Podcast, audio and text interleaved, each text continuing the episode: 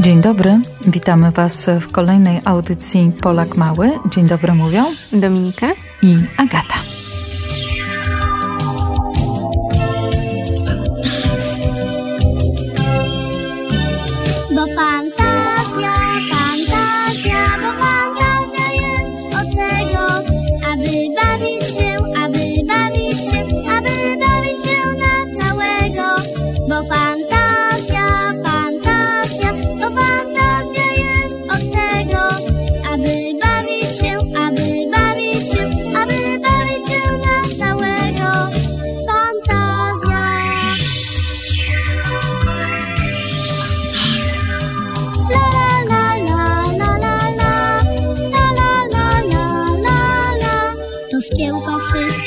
Potrafi.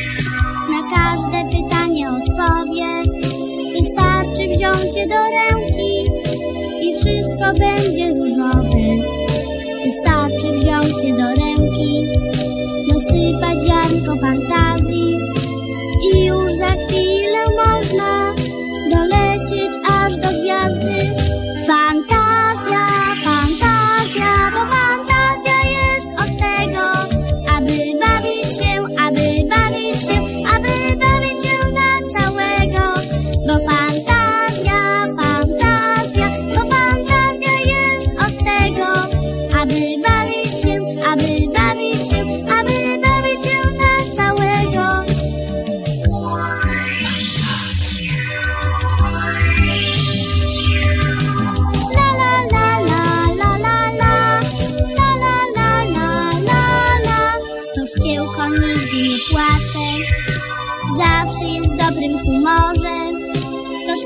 wszystko rozumie.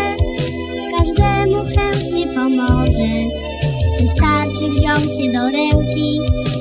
Ziarnko fantazji dosypać. I już za chwilę można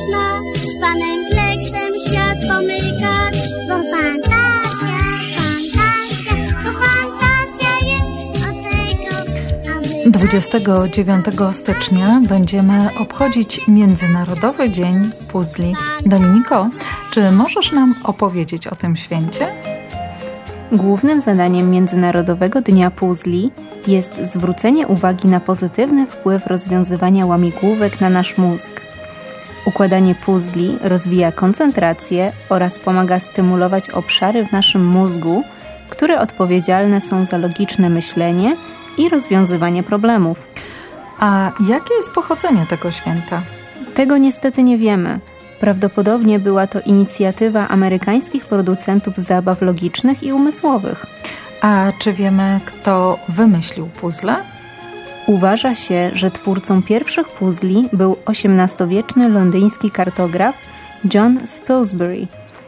Aby ułatwić naukę geografii, postanowił stworzone przez siebie mapy naklejać na deski, a następnie rozcinać wzdłuż granic państw. W ten sposób przygotowana pomoc edukacyjna bardzo szybko stała się popularna w całej Anglii, a niedługo później w całej Europie.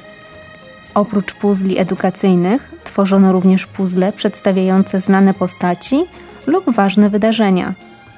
Obrazki zaczęto również ciąć niezależnie od kształtów na nich namalowanych, co utrudniło rozwiązywanie zagadek. Popularność tej zabawy sprawiła, że w XX wieku zaczęto produkować puzzle na skalę masową, a około 2001 roku pojawiły się pierwsze puzzle internetowe. Jednak mimo przejścia do świata wirtualnego, tradycyjne puzzle nadal cieszą się dużą popularnością. Warto pamiętać, że Dzień Puzli ma na celu popularyzowanie nie tylko obrazkowych układanek, ale również wszelkich zabaw i gier logicznych, takich jak na przykład krzyżówki, sudoku, kostka Rubika, labirynty czy znajdowanie różnic między obrazkami. Każda z tych zabaw jest nie tylko rozrywką, ale i wspaniałym ćwiczeniem cierpliwości, zdolności do koncentracji i pamięci oraz nauką logicznego myślenia. A więc jeżeli ktoś e, chciałby w przyszłości zostać na przykład detektywem, czy wielkim geniuszem. Niech e, układa puzzle, ćwiczy swój e, mózg, no i szykuje się na przygody przyszłych detektywów. To wszystko, co przygotowałyśmy na dzisiaj. Do usłyszenia mówią Dominika i Agata.